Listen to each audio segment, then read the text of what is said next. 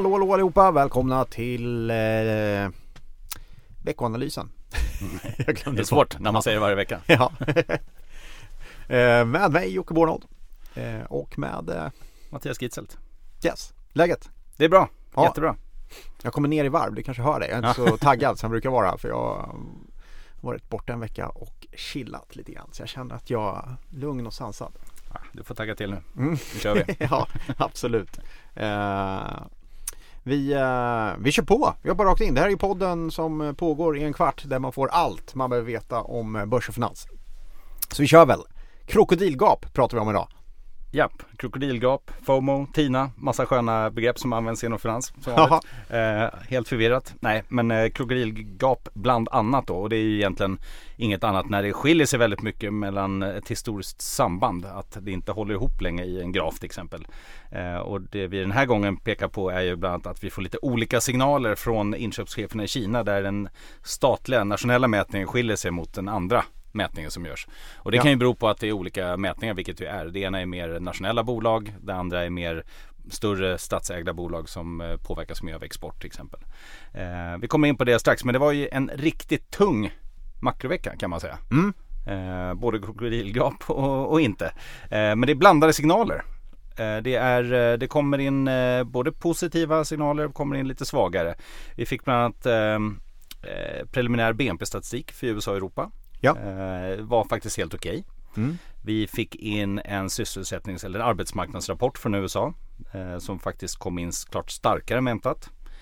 Vi eh, fick in konsumentförtroendesiffror som var lite svagare. Just det. Vi fick in ISM-index som var lite svagare. Mm. Så vi egentligen ganska mycket saker som, som påverkar bilden. Men jag tror ändå att trots den här tunga statistikveckan så var det fokus på Fed. Just det. Eh, och eh, ett räntebesked som ju i och för sig var som förväntat men som var väldigt viktigt. Man sänkte ju räntan för tredje gången. Mm. Det som är lite roligt med det här är att i december förra året så när eh, Fed kommunicerade hur man skulle göra med räntenivåerna under 2019. Just det. Så var det så att man skulle höja tre gånger ja. 2019. Mm. Och nu har man sänkt tre gånger. Så ja. man kan ju lugnt säga att man har bytt fot och det här är ju det som bland annat har lett till att vi har fått en stark aktiemarknad då. Um, och det intressanta är ju inte vad man har gjort egentligen hittills utan det intressanta är vad man kommer göra framöver. Och man ändrar inte jättemycket i sin kommunikation, man ändrar inte mycket i de ekonomiska prognoserna. Utan i princip så, så känner man sig ganska nöjd och klar med räntesänkningar som det är. Eh, det vill säga man kanske snarare kommer att höja någon gång igen framöver om eh, bilden kvarstår med makro som är okej okay ändå. Även om det mattas av så är det ändå tillräckligt bra för att man kanske ska kvarstå. Ja, och som det ser ut just nu så är den väl det eller? Ja, alltså Konsumenten mår fortfarande rätt bra i USA. Konsumenten är fortfarande okej. Okay. All konsumentstatistik om man säger kommer in okej. Okay. Jag sa just att konsumentförtroende kommer lite sämre men det är mm. från en väldigt hög nivå lite lite sämre än väntat. Eh, men faktiskt även i Europa till exempel så är ju fortfarande detaljhandel och sånt som ökar ändå ett par procent eh, på årstakt. Så att okej, okay, det är industrin som viker. Mm. Eh, och det räcker inte för att totalen ska bli väldigt svag. Det ska fortfarande växa över 2% nästa år i USA till exempel. Mm. Så det blir inte mycket sämre. Nej. Men det viktiga är ju som sagt, vad händer med kinesisk efterfrågan? Och det är ju därför eh, vi bland annat tittar på den här mätningen där då den statliga mätningen visar fortfarande en kontraktion framöver och den andra mätningen visar en nivå som har faktiskt studsat upp ordentligt. Där det då ser lite ljusare ut.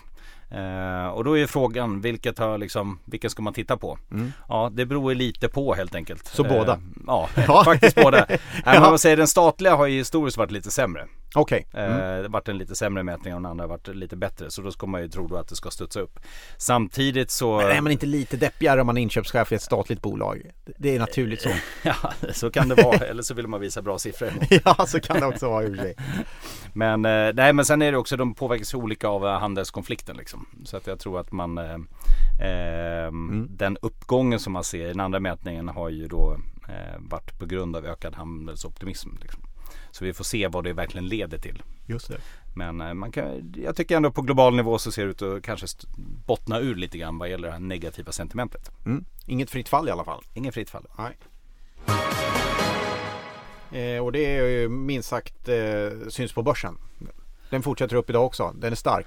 Ja absolut, det har ju varit ett par grejer senaste tiden som ändå talar för. Eh, det har ju egentligen under hela året varit en del geopolitiska osäkerheter. Man har varit orolig för att rapportsäsongen skulle vara väldigt dålig. Det visade sig inte vara riktigt. Man har varit rädd för att missa hela uppgången där, ja, FOMO som vi nämnde, fear of missing out. Eh, och nu har det varit en, liksom, en riktigt stark uppgångsfas som faktiskt eh, ja, är starkare än på länge. Mm. Eh, men makro fortsätter att vara sådär. Ja. Så vi får se vad som, vad som driver det här till slut. Men jag tycker att just penningpolitik och centralbanker, där kanske vi inte får så mycket mer stöd just nu i alla fall. Ja, jag tänkte just på det. Det känns som om, om börsen får stöd av ränta så kanske fått ut det stödet nu så att säga i en börskurs. Ja, eller? lite så eh. kan man tycka. Mm. Eh, samtidigt ska man komma ihåg att det är ju faktiskt vinster som också har drivit redan. Alltså mm. förväntningarna var kanske lite för låga inför rapportsäsongen. Mm. Så att tittar man i USA till exempel, kikar på aktuell statistik här. Nu har man ju presenterat ungefär 70% av, eh, av bolagsrapporterna för den här säsongen. Ja. Och 76% har varit bättre än väntat. Och det mm. brukar vara ungefär 65-70% som är bättre än förväntat. Mm. Men nu är det ännu lite fler. Eh, och det gör ju också att snarare vinstförväntningarna har ju snarare liksom då behövt ökas eller vinsttillväxtprognoserna. Eh, vilket gör att värderingar är inte så höga ändå. De ligger kring femårssnitt. Eh, och det i sin tur talar för att det här momentumet kan fortsätta. Just det. Ja. Får vi se. Men det är fortsatt en tydlig skillnad mellan börs och framförallt industridata men även makro i övrigt. Så det blir spännande att följa. Mm. Vad, eh, nej jag, jag, jag, tvingar inte någon gissning där. Tack. det brukar inte vara populärt. Eh, men vad, vad, eh, vad ska man ha koll på den här veckan då? Eh, den här veckan så, ja, det är väldigt tunt i USA. Det var ju otroligt mycket siffror förra veckan. Eh, jag nämnde ju en hel del av dem. Mm. Eh, men den här veckan så följer det här ISM-index, alltså inköpschefsindex, en mätning, kommer för tjänstesektorn också. Och då får vi just se här. Förra gången så föll det väldigt brant och var den svagaste mätningen sedan augusti 2016. Eh, och eh, får vi se om det är fortsatt samma fall i det här. Men eh, tittar vi jämfört med tillverkningssektorn så har det inte alls varit motsvarande. Tillverkningssektorn har ju fallit mycket brantare. Eh, sen kommer ju faktiskt också om vi ändå pratar om tillverkningssektorn och att det fortsatt viker där. Industriorder i Tyskland. Mm. Den, eh, ja, det, är såna, mm, det visar ungefär 6-7 nedgång på årsbasis senaste mätningarna och det förväntas ungefär ligga där den här gången också. Eh, men det är ju naturligtvis viktigt om man ser någon form av studs där. Just det. Eh, sen kommer detaljhandelsförsäljning i Europa faktiskt, som vi nämnde förut också. Mm. Får se vad den landar i. Men förväntat är en uppgång på 2,5 procent. Kollar man på aktiemarknaden, ja då eh, händer det massa saker eh, förstås. På torsdag kommer Skanska. Den kan vara ja. intressant förstås. Eh, men det är väldigt mycket rapporter i mindre bolag som kommer. Eh, men Securitas på onsdag också. Eh, och sen har jag gäng utdelningar och så vidare som man kan hålla lite koll på kanske. Eh, vi hade några grejer förra veckan som var intressant. Jag tyckte kanske det intressantaste var SCA. Eh, och det är fortsatt positivt för skogen. Eh, och de värderade ju upp sin jätteskog.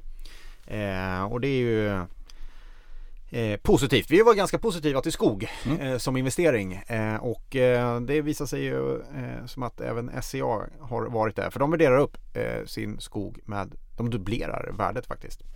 det är ju en jätte, de har 5% av Sveriges yta som ligger faktiskt i SCA skogsinnehav.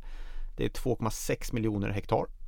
Tidigare värderat ungefär till 17 000 kronor per hektar. I alla fall den produktiva skogsmarken. Den är på 2 miljoner hektar. Och det är ungefär 34 miljarder. Nu värderar man upp det till någonstans kring 65 miljarder.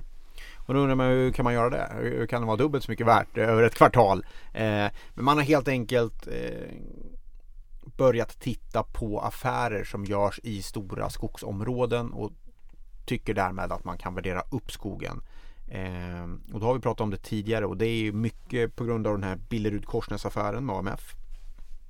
Den eh, var ju på 12 miljarder, eh, en jätteaffär. Eh, och då värderades eh, skogen till 38 500 per hektar. Eh, Holmen, en annan jätte, värderade också upp eh, sin skog, eller på väg att göra det, upp till trakterna kring 40 000 hektar. Så att, nej, det är, varför gör man det här då? Är det bara bokföringsteknisk eh, mumbo jumbo pappersprodukt? Eh, nej, riktigt så är det väl inte utan eh, i och med att räntan är så pass låg som den är så måste man ju hitta avkastning någonstans. Och skogen genererar ju en ganska jämn avkastning över tid och det lockar förstås pensionsstiftelser. Ehm, så därför får även de här jätteskogarna en, en marknad och ett pris. Och då värderar man upp. SCA och hela skogsbranschen eh, steg kraftigt på det här förstås. Så det är en spännande utveckling. Eh, vi får se om eh, pensionsbolagen går in och köper mer av sådana här stora skogar. Det är klart att man kanske inte jag vet inte ens om SCA skog är till salu men, men till rätt pris är det ju det förstås. Och, och om en pensionsstiftelse tittar på negativ avkastning i sin obligationsportfölj så mm. blir det förstås attraktivt att hitta alternativ. Eh, och då får man se en uppvärdering av skogen. Ja, SCA äger ju sin skog framförallt kanske för självförsörjningen av industridelen ja. och så. Men, men absolut, och en anledning till att vi har gillat eh, skog är just att vi har sett att det är för låga eh, för låga värden som man bokför till. Eh, det är ju en helt annan nivå naturligtvis än, än privathandlad skog som vi i och för sig också är positiva till. Mm. Där har man ju kanske inte nödvändigtvis argumentet att det är en väldigt återkommande kassaflöde utan det är ju snarare att man kan, kan bestämma sitt kassaflöde själv väldigt, väldigt bra.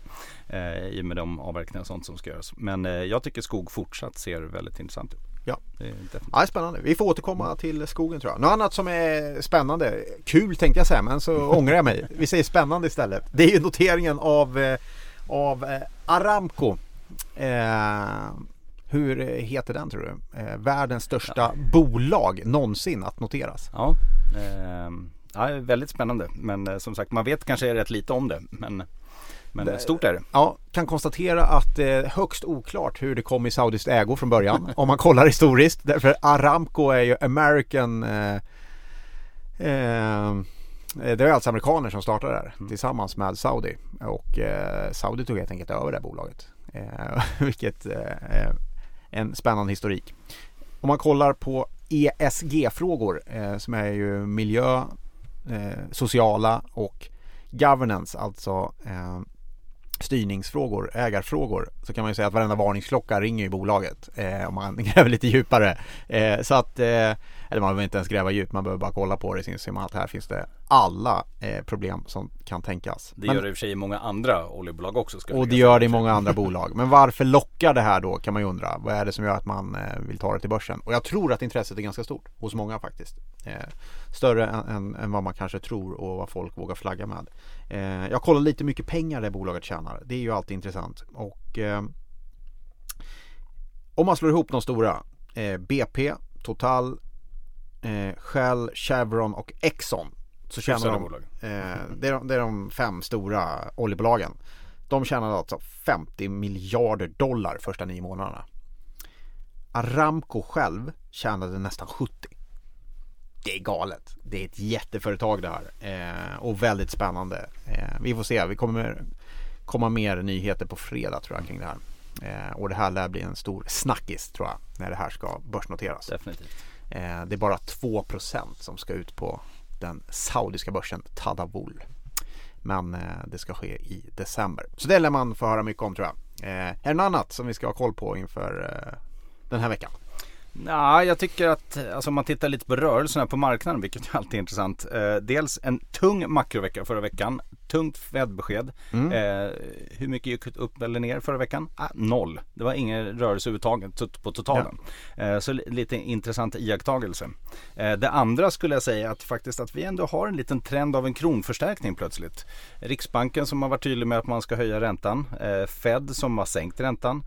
Räntedifferensen minskar och på en månad ja. så är faktiskt kronan upp 3% mot dollarn. Så mm. det är ändå i den här tiden av en extremt svag svensk krona så är det ändå värt att notera att det faktiskt sker lite förändringar där. Finns hopp. Ehm, I övrigt så ja, ganska små rörelser, faktiskt en del rörelser på oljan. Mm. Ehm, Brentoljan är 2% förra veckan, VTI eh, andra kvaliteten är 4% Men å andra sidan den svänger ett par, 3, 4% varje vecka åt något håll. Men ja. jag tycker ändå det är imponerande hur stabilt det är kring 60 dollar per fat eh, med tanke på drönarattacker och liknande. Mm. Så har det ändå faktiskt varit eh, ganska stabilt. Men med stora svängningar. Men liksom Som vi hörde tidigare i den här podden så kanske Saudi har en, en bra orsak till att hålla det stabilt. Vad vet jag? Vad vet jag? Eh, vi, vi, vi får reda på det här kanske längre. eh, stort tack för att ni lyssnade allihopa. Eh, det här var veckans Vekonomist. Så var ni era kära mödrar och var ni era fäder med. Därför partypatrullen och kräver det. Och våga inte stå där stilla med benet på väggen, stå där och chilla. Då kommer discosnuten bötfälla dig. Då får du discotruten bötfälla dig. Olagligt att inte dansa, asexuell, straight eller transa. Och vi ska upp bland molnen, varannan dag med en ass och en skål sen. Vi ska twista till svetten, lackar till polisen, juristen och rätten backar. Skiter i tiden och vad klockan slår när vi revar hela dygnet så långt vi förmår.